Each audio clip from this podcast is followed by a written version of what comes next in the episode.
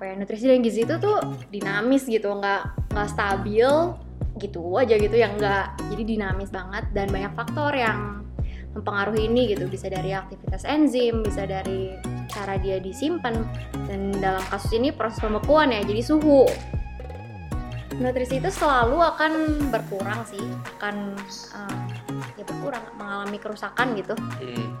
dibandingin sama sesuatu yang kita baru panen terus kita langsung makan gitu kayak ada beberapa riset yang bilang bahwa beberapa mikronutrisi beberapa vitamin dan mineral itu mengalami kenaikan waktu awal-awal dibekukan kalau misalkan tadi kita ngomongin soal kristal kalau kita makanan yang udah dibekuin ini cairin terus dibekuin lagi itu pembentukan kristalnya ini jadi lebih besar dan jadi lebih tajam-tajam bentuknya. Jadi itu akan lebih merusak lagi gitu ke ke gizi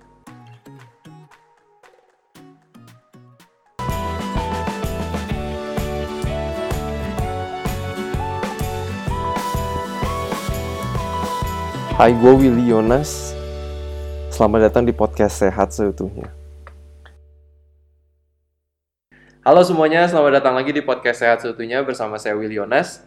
Di episode podcast kali ini, kita akan ngebahas salah satu topik yang terlihat simpel, eh, tapi sebenarnya kayaknya banyak banget orang yang nanyain soal topik ini gitu. Soalnya banyak juga suka dapet eh, DM-DM di Instagram dari orang-orang atau pas lagi ngomong di seminar nanyain kalau kalau frozen food atau makanan yang udah dibekuin itu sebenarnya nutrisinya masih ada nggak sih?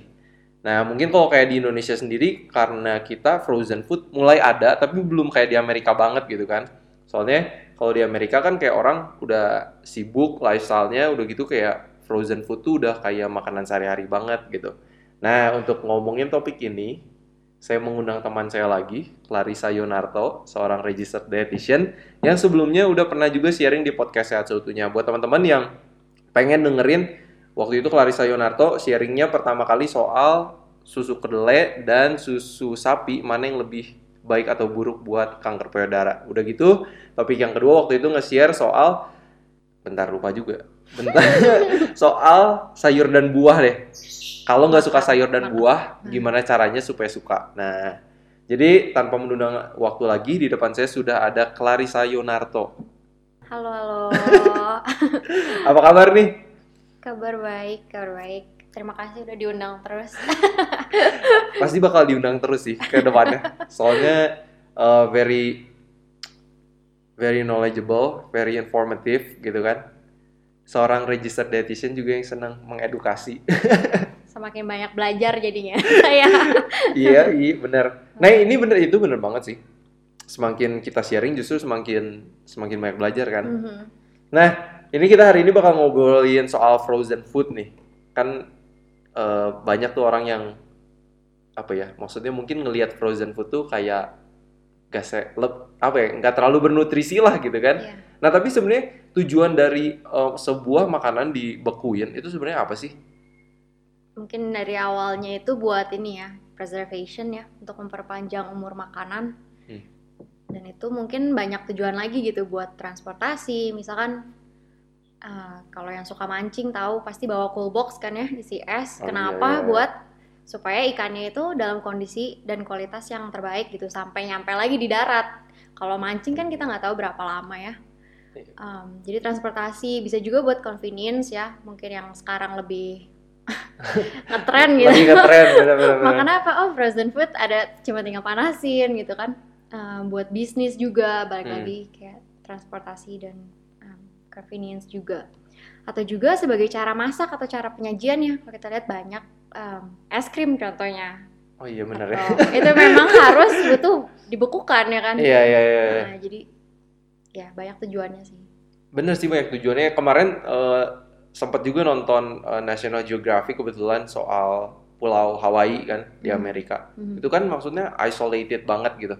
Dan dibahas di National Geographic itu kalau sebenarnya orang-orang Hawaii cuman punya stok makanan itu untuk 10 hari ke depan.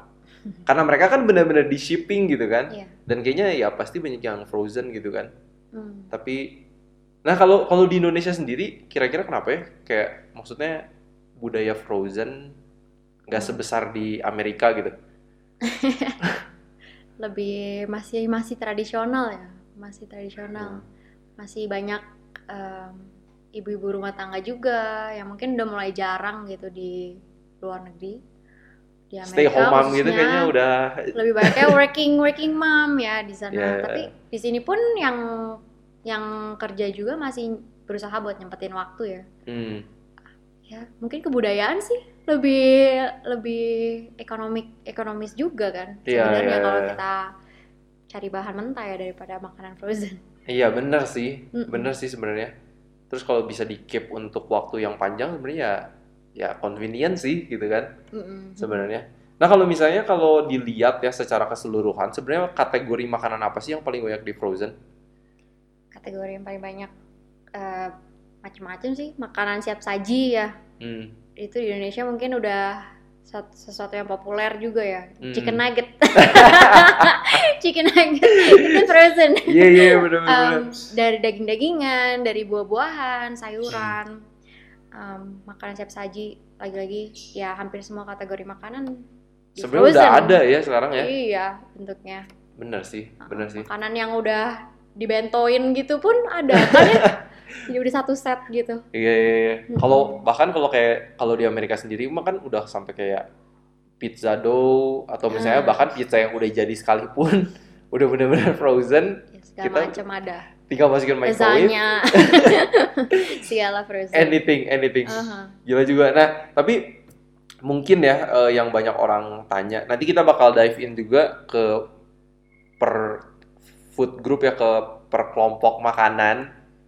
Jadi kayak eh, tapi kalau secara general ya, secara general sebenarnya kalau ma- sebuah makanan di frozen, sebenarnya nutrisinya gimana sih? Oke, jadi eh, secara umum ya, secara umum itu kita mau ngomongin dulu yang terjadi sama em, yang nggak di frozen. Oke. Misalnya kalau kita lihat pohon gitu kan ya, tumbuhan lah, dia nggak ngasilin buah, itu kan butuh proses. Kalau kita makan mangga gitu, mangga yang udah matang sama mangga yang mengkel, Hmm. itu kan ada perbedaan rasa ya. Dan Betul. bukan cuma perbedaan rasa, tapi perbedaan nutrisi gitu Hmm. masih proses pematangan, masih ada perkembangan gizi gitu. Hmm.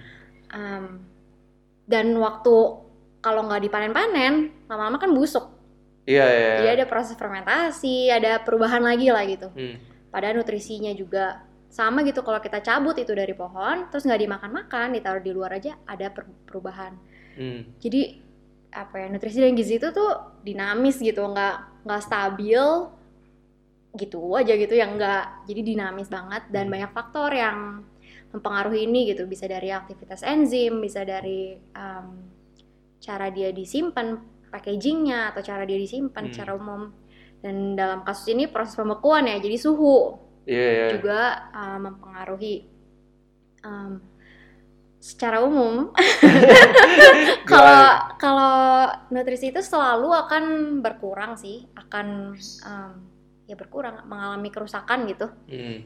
dibandingin sama sesuatu yang kita baru panen terus kita langsung makan gitu Betul, pasti betul. beda sama yang seminggu ke depan minggu depan atau dua dua minggu depan baru dimakan Hmm. pasti akan ada perbedaan nutrisi gitu secara umumnya Iya sih tadi di mention nutrisi itu dinamis, ya bener sih. Hmm. Kayak kita nggak bisa bilang juga kayak semua mangga nutrisinya sama gitu kan. iya Walaupun jenisnya sama, tapi kalau dipanen dari jenis berbeda, terus kita makannya berapa lama setelah panen, Hmm. kalau udah ada pro- proses fermentasi dan lain-lain kan pasti berbeda. Dan Ya, yang menarik mungkin juga pernah aku lihat dibikin kayak flyer-flyer gitu juga soal pisang ya pisang mentah sama pisang mateng nutrisinya beda dan mereka ada kebaikan masing-masing gitu. hmm, Yang lebih menonjol di pisang mentah apa, yang lebih menonjol di pisang mateng tuh apa gitu. Jadi dinamis dan mereka punya em, kelebihan masing-masing gitu. iya iya iya benar-benar. Mhm. Wah ini menarik sih kayaknya. Maksudnya ini frozen food eh, topik yang banyak banget ditanyain, tapi sebenarnya kayaknya trik cukup tricky juga ya. Kayak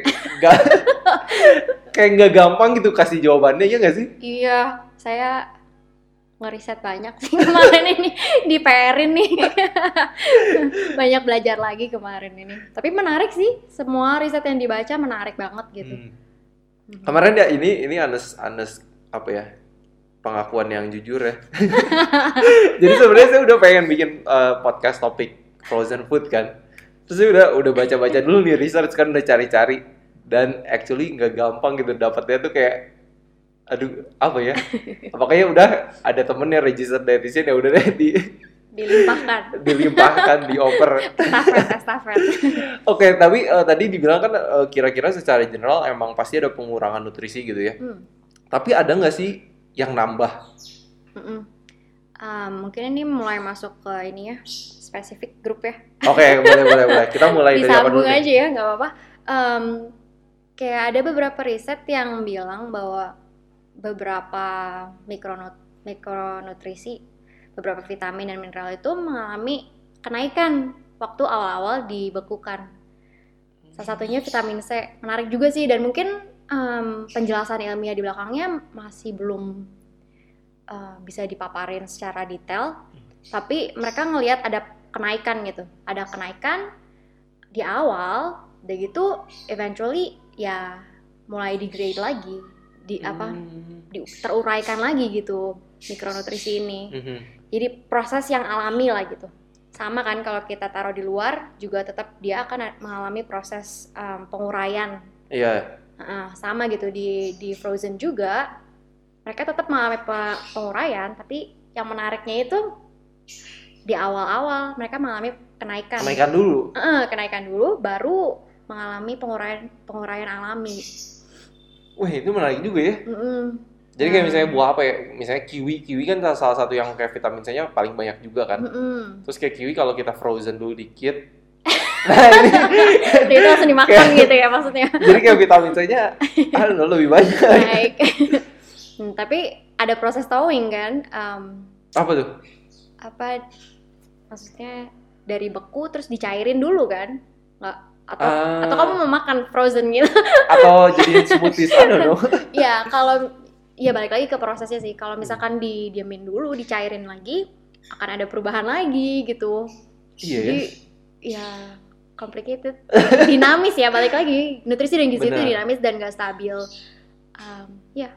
Menarik. itu untuk vitamin C.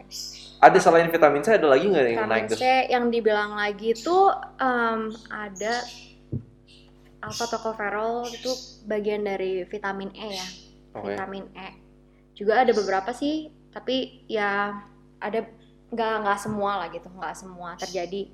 Kenaikan begitu turun nggak Oke, oke. Mm, cuma ada beberapa yang mereka riset dan mengalami penaikan menarik ya Oke, itu menarik sih. Mhm. Menarik. Jadi, tapi ya ini kasih kita sudut pandang baru juga. Ternyata kalau pas makanan tertentu di frozen, kayak tadi vitamin C, nutrisi apa mikronutrisi atau vitamin, vitamin C ini kan justru malah ngala- ngalamin kenaikan dulu gitu kan. Mhm. Nah, itu berarti kalau yang mengalami yang punya vitamin C gitu kan banyaknya berarti sayur sama buah kan. ya Kalau misalnya sayur sama buah. Nah, tapi kalau kita mungkin langsung ngomong ke food group kali ya. oke menarik juga kalau misalnya kayak sayur gitu kan. Kalau yang aku perhatiin kan kayak sayur nggak semua macam juga di frozen Hmm. gitu kan kayak misalnya kayak bayam, kangkung Mhm. gitu kan kayaknya nggak di frozen kan. Sedangkan yang bisa di frozen kayak kembang kol, brokoli, wortel. Nah itu kenapa sih yang daun-daunan nggak di frozen gitu? umumnya kalau kita ngelihat makanan-makanan yang di frozen itu mereka nggak nggak banyak water content nggak banyak air. Oke. kan kandungan airnya. Em, mungkin tuh loh.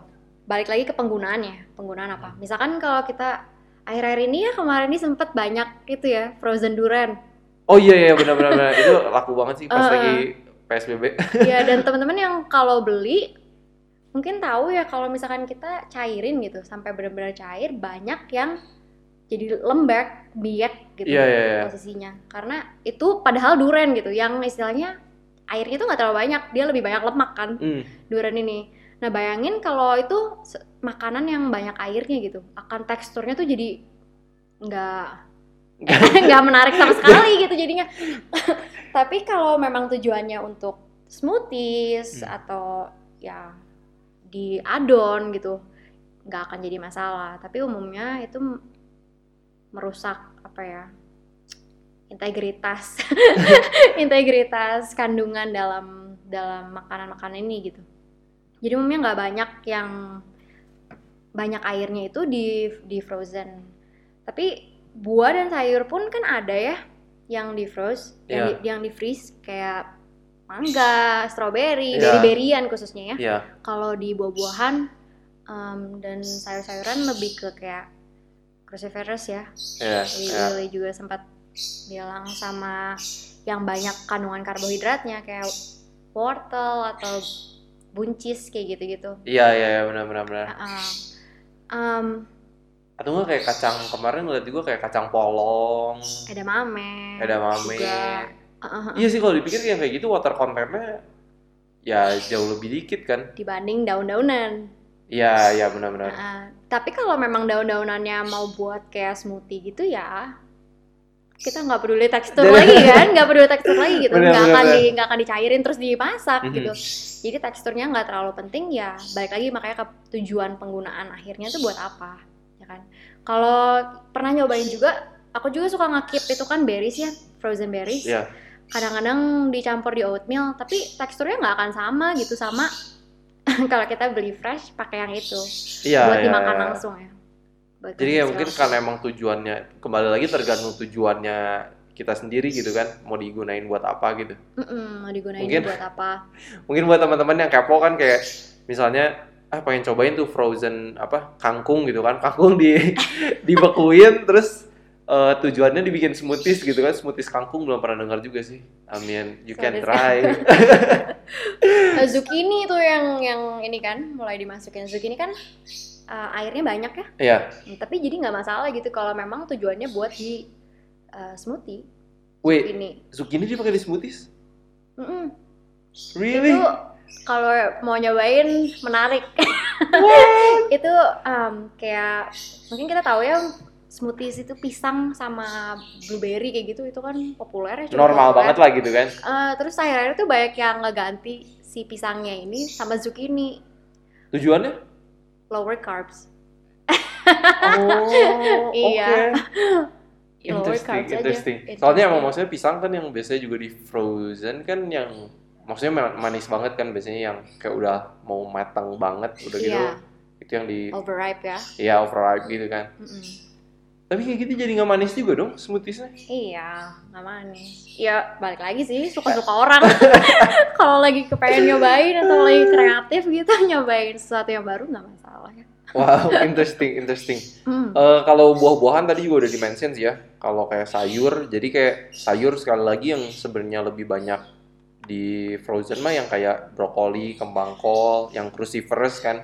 karena water contentnya jadi kayak udah kita bekuin terus mau kita masak kita tumis pun kayak bentuknya masih, oke. sama gitu kan. Jagung gitu Iya jagung masih- kayak gitu kan masih masih oke juga. Kalau kayak misalnya aku juga di rumah sendiri seringnya kayak kalau yang roots juga akar-akaran umbi-umbian itu juga oke banget gitu untuk dibekuin kayak singkong kayak ubi tales ya yang ada di depan kita sekarang.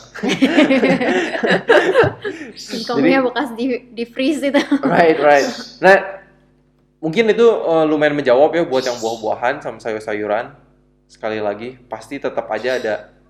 Oke mungkin sebelum sebelum lanjut ke food group yang lain nih tapi sebenarnya kalau kita makan sayur sama buah yang udah dibekuin sebenarnya kita masih dapat banyak benefit nggak sih? Gizinya. Em, ya balik lagi kayak tadi yang dibilang ya. Kalau sama-sama mau di keep di luar sama di kulka, di kulkas atau di freeze ya sebenarnya nutrisi itu akan lebih terjaga kalau di suhu yang lebih dingin. Hmm. karena em, banyak faktor tapi salah satunya itu kerja dari enzimnya aktivitas enzimnya itu jadi Hmm. dihambat gitu Hmm. Uh, jadi proses penguraian berbagai macam nutrisi, gizi yang ada di dalam satu makanan itu jadi lebih pelan. Tapi bukannya nggak terjadi.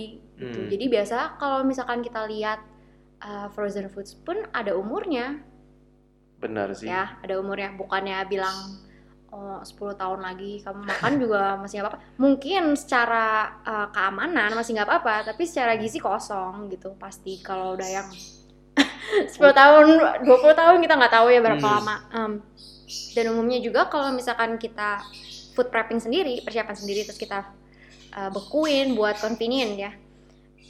Em, sebisa mungkin sih ditaruh jangan lebih dari tiga bulan gitu. Hmm, Biasanya setelah tiga bulan itu beberapa riset juga menemukan penurunan dari gizi itu mulai terlihat lebih signifikan setelah tiga bulan setelah ya. tiga bulan. Oke. Jadi Jadi- kalau mau di keep ya keep selama tiga bulan itu lah gitu. Oke oke. Itu kayaknya rules yang oke lah untuk diikutin kan. Tiga bulan Hmm. kayaknya nggak pen nggak nggak terlalu pendek juga gitu kan. Iya. Kayak enak lah gitu. Heeh, heeh. Oke tiga bulan. Jadi tiga bulan. Good rules, good rules. nah kalau misalnya itu soal sayur dan buah. eh, yang selanjutnya kelompok makanan selanjutnya yang pengen ditanya sebenarnya legumes atau beans. Mhm. ya kayak kacang merah, kacang hijau, garbanzo, lentils, black beans gitu kan.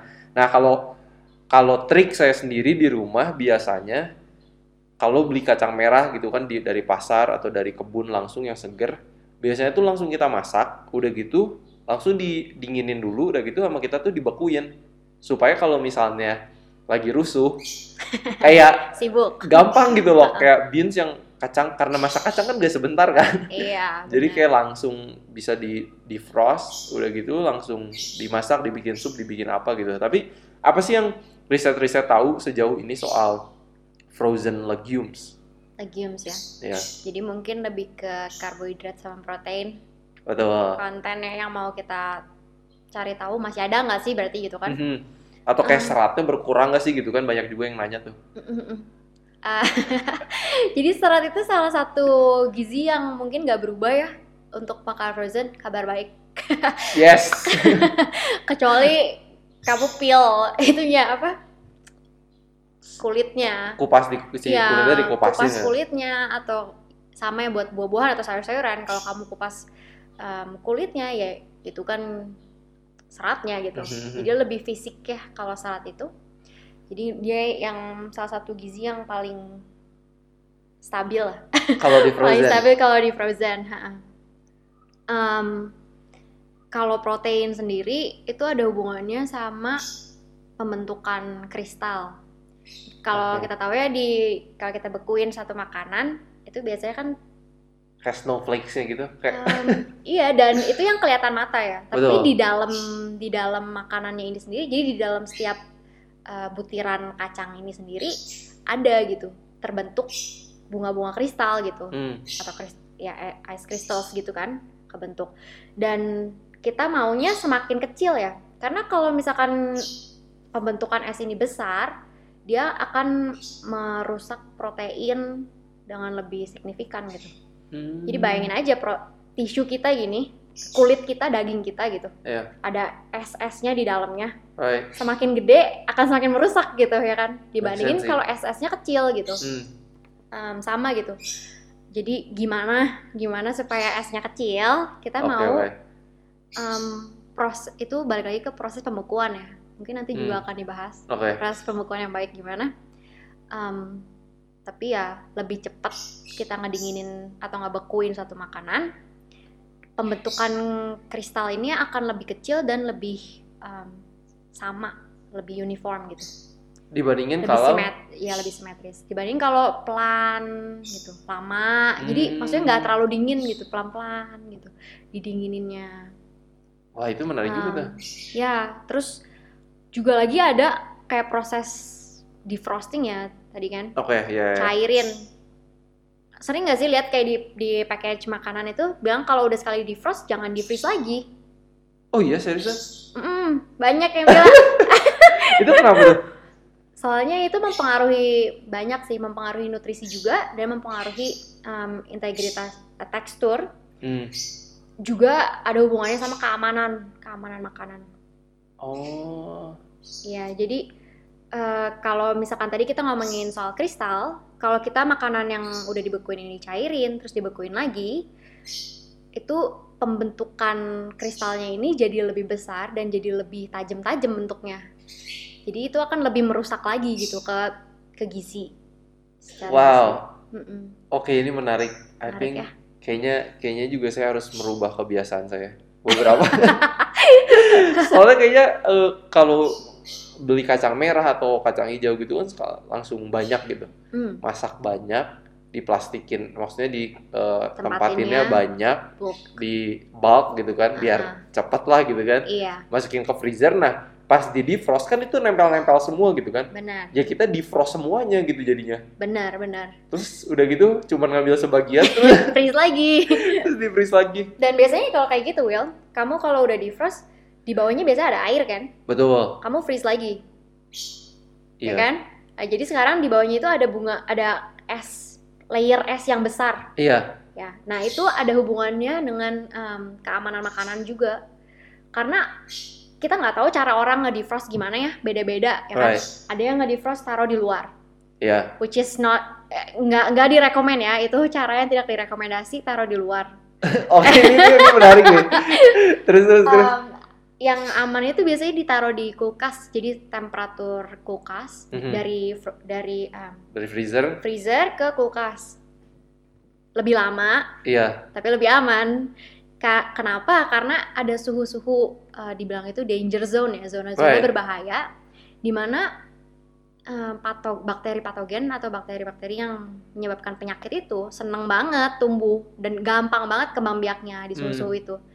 Jadi ya kita makanya balik lagi kita nggak tahu gimana orang nge-defrost. Mhm.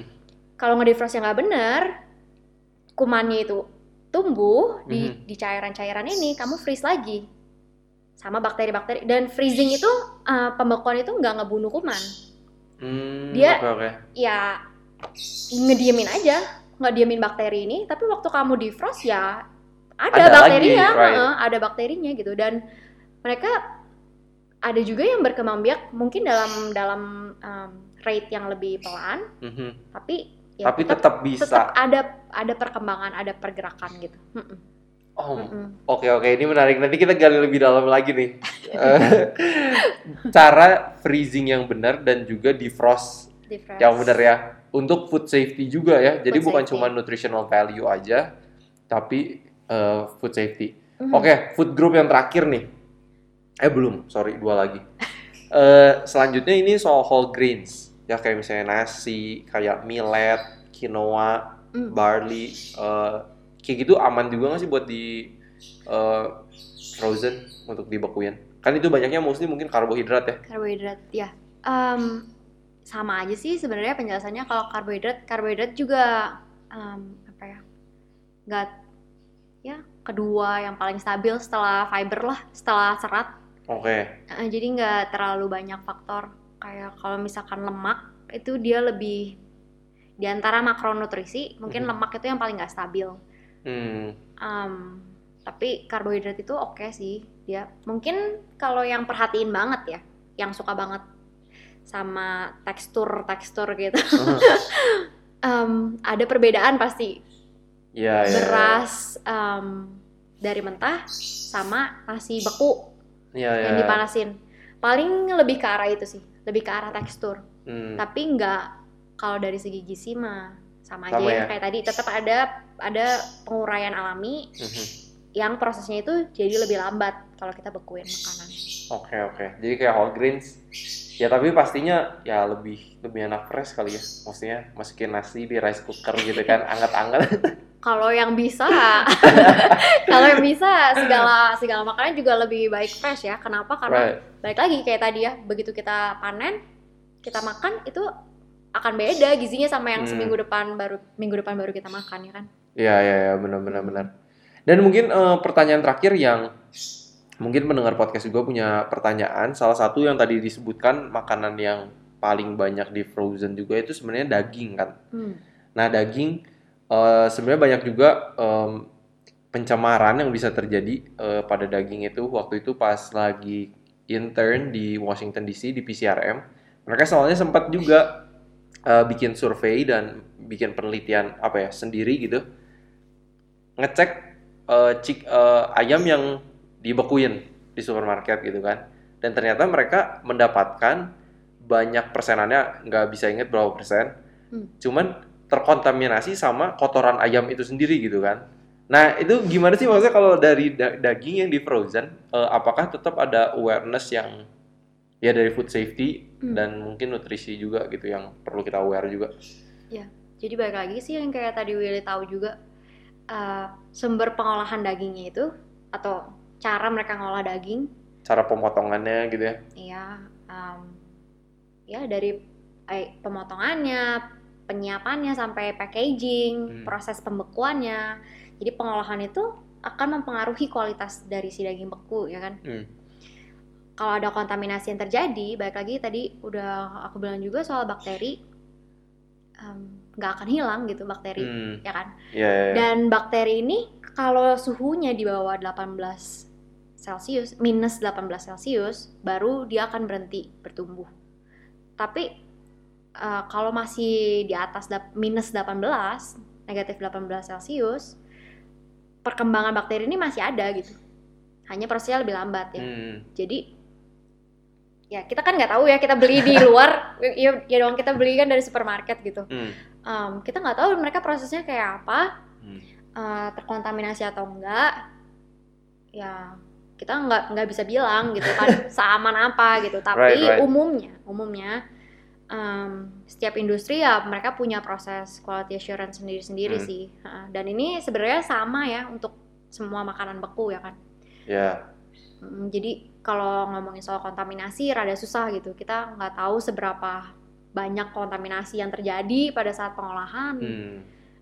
Akan lebih aman kalau kita proses sendiri kita bekuin Right, right, right. pasti benar, benar, kita tahu jelas gitu oh ini yang kita lakuin ya kan oh ada Ya, kontaminasi ya. di sini ada kontaminasi di sini tapi kalau kita beli ya sama halnya gitu kayak makan di resto ya kita Sama juga nggak juga, nggak tahu dapurnya kayak gimana. iya jadi ya Right, right. aha. Oke, itu menarik sih. Eh, jadi sekarang mungkin kita switch dulu nih. Setelah udah kita ngomongin food group, udah gitu kita pengen belajar sebenarnya cara ngebekuin makanan yang benar. Kayak gimana? Dan kalau ngedefrost yang bener gimana? Yang untuk keamanan kita sendiri gitu ya. Em, jadi pertama apa tadi Gimana cara, cara, ngebekuin ya ngebuk ngebekuin yang aman? Ah, yang aman dan mungkin juga supaya bisa em, preserve gizi dengan sebaik mungkin ya. Hmm. Jadi ada proses namanya blanching. Oke, apa tuh? Blanching itu kayak kita tuh kayak ngerebus makanan, tapi eh, bukan tujuannya itu bukan buat masak, lebih kayak buat eh, preservation warna atau preservation nutrisi gitu. Hmm. Um, jadi atau mungkin juga buat proses masak ya ada juga dipakai. Tapi biasanya itu jadi air dididihin gitu. Hmm. Terus kita celupin makanan yang kita mau blanch ini sebentar, dan itu kita angkat. Um, dan itu akan mem- membantu juga untuk uh, proses pembekuan ini menjaga nutrisi dengan lebih baik. Kenapa? Karena kalau kita blanch itu kita mematikan e- beberapa enzim di dalam satu makanan. Mhm. Balik lagi tadi aku mention soal aktivitas enzim ya. Iya. Jadi si enzimnya ini mati, ya kan? Mhm. Rusak gitu karena kena panas. Right. Uh, dan mungkin beberapa nutrisi juga akan rusak ya. Contohnya vitamin C yang mungkin paling sensitif, Betul. tapi nggak akan hilang sepenuhnya karena Hmm. sebentar dan dan juga langsung diangkat lagi gitu kan. Cuma Mhm. kena panas tuh sebentar aja gitu. Betul. Uh, jadi ada ada pengurangan nutrisi yang minimal, tapi juga ada pengurangan enzim yang mengurai nutrisi. Hmm, Jadi oke, kalau kita blanch, udah gitu baru kita freeze, itu kita akan bisa lebih ngejaga nutrisinya gitu. Mungkin Oke. ini tips ya buat yang mau nge- mau nyimpen sayuran atau bahkan buah, karena ada beberapa buah juga yang diprosesnya seperti itu. gitu. Tapi mungkin buah yang nggak umum Nggak ya terlalu dimasak, ya. gitu ya. Jadi mungkin sa- lebih ke Lebih ke sayuran sayur ya. Ataupun beans ya. Oke. Mm-mm. Jadi di blanch terus disimpan gitu. Itu Dan- berapa lama sih Blitz bener-bener kayak cuman ditaruh terus langsung tarik lagi atau kayak Uh, 10 detik, 30 detik? ada berapa detik, berapa menit ya? Aku lupa. Kayaknya berapa detik deh. Oke, oke. Jadi Ha-ha. emang ben- bentar banget gitu. Berapa detik sih? 30 Jadi kayak detik. basically sebenarnya hampir bisa dibilang yang dibekuin tuh kayak mentah kan? Maksudnya umumnya, umumnya mentah. almost ya hampir mentah lah gitu kan. Iya, iya. Kayak wortel, kayak brokoli gitu kan yang beku biasanya kayaknya yang mentah gitu loh kan. Mm-mm, mm-mm. Atau udah di blanch dulu paling enggak ya. Biasa sih kayak gitu bisa informasi kayak gitu bisa dilihat dari packaging ya. Kalau ada biasanya ditulis heat treated ya. Hmm, oke. Em, entah itu apa, kita nggak tahu pastinya ya apa itu direbus atau enggak. Right, right. Tapi um- Prosedurnya gimana? I, I don't think direbus karena warnanya kan berubah banget ya kalau Hmm. direbus. Tapi kalau blanching itu dia masih mentah tapi ya ada kena panas gitu. Betul, Sempat kena betul. panas dan itu mematikan enzim. Jadi untuk jangka panjangnya si nutrisi ini lebih terjaga gitu. Hmm, Kalau misalnya kita cuma buat nge-freeze 1 2 hari ya nggak perlu di blanch ngapain? Right, right. Tapi Karena uh, ngerusak juga kan? iya, iya, iya. Nah, tapi perusakan ini itu akan lebih minimal kalau memang mau nyimpennya itu lama. gitu. Misalkan sampai tiga bulan. Right, right. Mm-mm. Bener sih. Tapi ya kita bersyukurnya mungkin kayak di Indonesia kan kita nggak ada musim dingin Ah, atau ya maksudnya kalau di Amerika kan kalau emang lagi musim dinginnya parah kita juga nggak bisa keluar rumah kayak harus punya stok makanan Betul, kan. Tapi betul. kalau kayaknya di Indonesia tuh bersyukur pasar ya. tiap hari pun bisa gitu. bersyukur. right, right. Makanya kayaknya kalau kalau di Amerika maksudnya selain eh, metode untuk ngejaga makanan kan selain dibekuin ada juga kayak di kaleng, di Hmm. canning gitu kan. Cuman Ya. kayaknya yang kayak gitu kayak kurang populer aja di Indonesia karena emang ya Hmm. kita nggak harus meng- melewati winter yang apa bertani juga susah gitu kan. Iya. Bener sih. Mungkin kalau musim hujan ya. Right, right. Tapi benar-benar. makanan, supply makanan mah ada terus ya. Ya, benar-benar Dan em, tadi masih nanya lagi soal apa proses defrost. defrost. Sebelum itu Itu eh udah yang blanching udah beres. yang blanching udah. Oke, oke. Tapi mau ngomongin soal tadi food safety ya keamanan. Iya, betul. food safety. Jadi em, balik lagi tadi aku mention juga zona berbahaya ya. Zona suhu Mhm. berbahaya itu di suhu 5 sampai 57 derajat Celcius. Jadi di situ bakteri itu akan berkembang biak dengan sangat nyaman lah. Hmm. Itu zona zona nyamannya mereka. Iya, iya, iya. Nah, jadi mereka senang bertumbuh di situ. Jadi kalau misalkan kita masak dulu, misalkan kita mau nge mau ngebekuin makanan yang udah kita masak gitu Hmm. eh, itu kita mau turunin suhunya secepat mungkin. Dan kita nggak mau nggak mau ngebekuin makanan yang masih panas ya. Betul, betul. Ah, jadi suhunya harus diturunin secepat mungkin, baru kita secepat mungkin juga masukin ke freezer gitu. Hmm. Jangan udah duduk-duduk di luar seharian, makanan leftover ya bekas, sisa, em, terus kita freeze. Kenapa? Bakterinya akan sangat banyak. Betul, udah tercemar ya udara dan lain-lain juga ya. Ya, heeh. jadi jangan gitu. Tapi kalau misalkan makanan yang baru dimasak pun kita mau secepat mungkin turunin suhunya, Hmm. baru di baru dibekuin. Em, dan kita nggak mau masukin makanan panas ke freezer itu salah satunya karena itu akan naikin suhu ya, naikin suhu di freezer Hmm. ya kan, dan ngeganggu makanan freezer yang- eh, frozen yang lainnya gitu. Hmm, oke oke. Hmm, jadi nggak akan aman. Itu safety-nya berarti ya. Ya, dan- Udah di jadi panasin dulu, udah gitu cepat didinginin, Mm-mm. udah gitu secepat mungkin udah langsung masukin uh, freezer. Ya. Em, dan juga kita mau salah satunya lagi juga untuk makanan-makanan itu dalam kondisi kering ya. Kalau makan mentah Oke, kalau mentah kering ya. kering. Kenapa tuh? Balik lagi ke pembentukan kristal, Kristal itu ya. ya. Iya. Nanti jadi-. Kristal-kristal semua lagi. Iya, jadi lebih baik kalau kondisinya kering gitu ya. Hmm. Terus sekarang defrost, Sekarang nah, sekarang defrost. Gimana nih cara defrost yang baik, yang aman dan menjaga kualitas nutrisinya? tadi mungkin udah disinggung juga ya.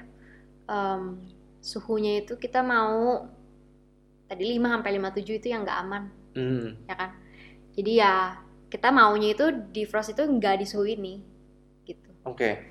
di luar dari suhu ini Harus jadi langsung panas sekaligus dong.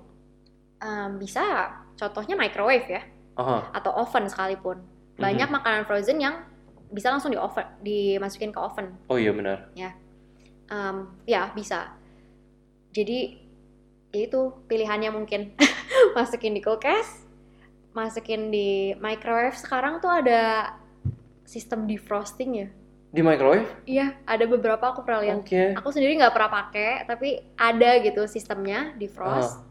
Em, dan atau langsung di diproses gitu, atau di microwave langsung dipanasin atau di langsung digodok gitu langsung kita masak. Ya, Kayak gitu juga oke juga ya. bisa. Pokoknya avoid lim, antara 5 sampai 57 derajat Celcius itu. Iya, betul. Untuk proses defrosting. Hmm, Mm, Karena akan terjadi lebih cepat proses defrosting ini, tapi tetap butuh waktu kan. ya. Berapa lama gitu kita akan diemin mereka di suhu ini Hmm, dan ya segitu la- segitu lamanya juga akan ada banyak bakteri yang tumbuh. Hmm, oke oke oke. Hmm, Jadi makanan lebih nggak aman sih.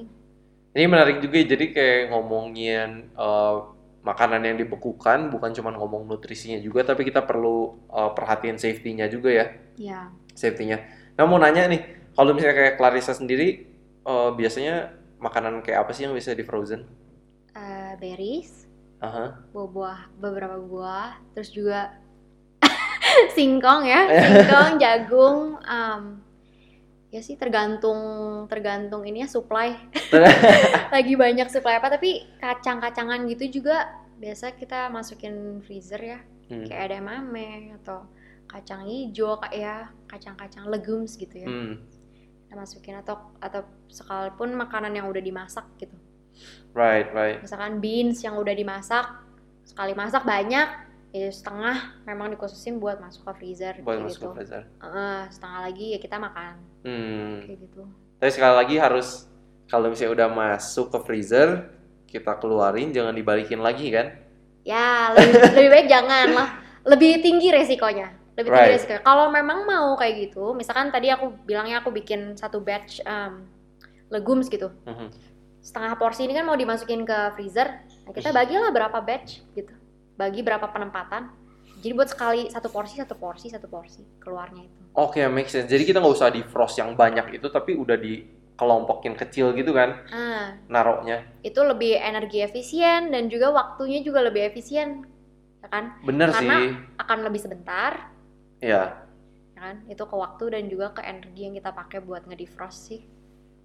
make sense. Oke. Mhm. I think it's I think it's a really good tips. Um, terakhir nih tadi tadi ada pertanyaan yang aku kepikir tapi kelewat sih. Terakhir nggak tahu nih siap nggak nih dengan jawabannya. Apa nih? Eh, kalau misalnya eh, ngomongin phytochemicals, Hmm. ngomongin fitokimia gitu kan. Ya. Eh, fitokimia kan yang memberi warna pada sayuran buah-buahan gitu kan, kayak di merah ya beta karot, eh di oranye yang beta karotin, merah kayak tomat ada lycopene gitu kan. Hmm. Kalau kayak gitu banyak yang berkurang juga nggak sih kalau dengan proses frozen ini? Sama sih ya. Jawabannya untuk sama kayak mikronutrisi yang lain gitu. Hmm. Mungkin bahkan beberapa ada yang mengalami penaikan dulu gitu. Bahkan Hmm. Um, tapi eventually prosesnya itu akan sama kayak kalau kita naruh makanan di luar, Oke ya. di ya. luar freezer gitu, ataupun di kulkas. Hmm. Jadi proses-proses ini akan um, terhambat, proses penguraian terhambat, tapi bukan yang nggak terjadi. Hmm. Oke oke oke. ada gitu. Kalau kita mungkin lihat juga uh, ada beberapa makanan yang lebih kelihatan ya dari warnanya. Misalnya apa ya? Apa ya? Eh, zucchini mungkin atau lobak? Iya, oh iya. Yang warnanya yang warnanya lebih kelihatan ya. Apa ya? Soalnya kalau kayak brokoli gitu cukup cukup awet sih. Brokoli mah Kayak brokoli terus yang kayak umbi-umbian gitu kayak awet banget. Maksudnya kayak ubi ungu misalnya gitu kan. nggak berubah. Gak berubah gitu kayak dari Bener-bener. nggak jadi pucat kah atau misalnya dia jadi pucat lah gitu kan. Dulu pernah sih ini em, eksperimen ya mungkin kita lagi tuh motong apa ya apel gitu atau apa gitu Oke. buat ngebandingin seberapa cepat aja sih proses oksidasi Oke. itu kan perubahan warna ya Mhm. kita potong tapi nggak sama kulitnya ya maksudnya Hmm. nggak ngelihat perubahan di kulitnya di Oke, dalamnya gitu potong bandingin di luar yang ditambahin lemon sama yang di freeze Hmm. ya tapi lama kelamaan kalau misalnya kita ninggalin oh pisang Will Oke. kelihatan kan pisang kalau kalau kita taruh pisang di di freeze sekalipun dia lama kelamaan itu akan ada perubahan warna Oh iya bener pisang pisang. akan ada perubahan warna meskipun Yes. di freeze Hmm. kenapa karena proses penguraian tetap terjadi gitu bukannya nggak ada That's true, Pisang. make sense. Kemarin baru banget bikin smoothies yang pisangnya mungkin kayak mungkin tiga minggu yang lalu di frozennya dan makin tua gitu. iya Kayak warnanya makin kayak kayak udah matang ada coklat banget gitu kan ya. kecoklatan gitu ya semuanya iya jadi tetap terjadi penguraian Hmm. dan itu sama buat semua nutrisi di dalamnya Hmm. Oke oke. Nah gini, gimana nih take away terakhirnya pesannya soal frozen food? oke jadi frozen food ini ya balik lagi ya untuk sekarang-sekarang ini mungkin tujuannya lebih ke convenient Hmm. Dan kita mau sebisa mungkin eh, apa yang kita makan sehari-hari itu lengkap gitu kan gizinya. Kalau misalkan memungkinkan untuk selalu makan atau kita punya supply fresh setiap hari, memungkinkan ya itu akan lebih baik gitu. Hmm. Nah, tapi kalau misalkan tidak memungkinkan akan lebih baik kita makan makanan free frozen tapi daripada nggak makan sama sekali gitu. Dari sayuran dari legumes dari buah-buahan gitu. Itu akan lebih baik dan itu juga alasannya kenapa aku selalu ngekip buah gitu di, di freezer. Hmm. karena ada aja gitu hari oh belum beli buah gitu hari in- untuk hari ini gitu udah habis buahnya. Ya udah makan yang ada di freezer. Right right bikin right. smoothie ya kan? Kayak it's better than nothing gitu It's kan? better than nothing ya. Dan juga um, gizinya itu ya tetap ada gitu bukan yang Hmm. nggak ada Right right right. Nah, jadi mungkin yang harus diperhatiin lebih harus diperhatiin itu adalah keamanan Hmm. proses pembekuan dan juga proses defrostingnya um, sama waktu ya jadi bukan nggak ada umurnya Iya benar-benar. Tiga bulan ya tadi Rose ya. lebih aman di tiga bulan ya tiga semua bulan. makanan berbeda sih Hmm. tapi ya uh, kalau mau lebih aman ya kita ambil yang paling cepet tiga bulan gitu Iya, ada iya, makanan-makanan yang bisa tahan sampai satu tahun Hmm. tapi harus dibaca lagi gitu spesifiknya Oke oke.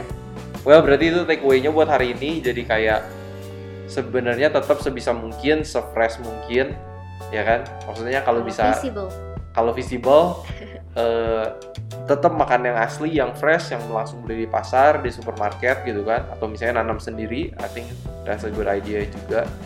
Dan terima kasih banyak Clarissa sudah sharing hari ini. thank Dan- juga Jangan jangan apa ya? Jangan jangan sungkan-sungkan nanti kalau diundang lagi. Dan harapan kita seperti biasa, semoga kita sehat seutuhnya.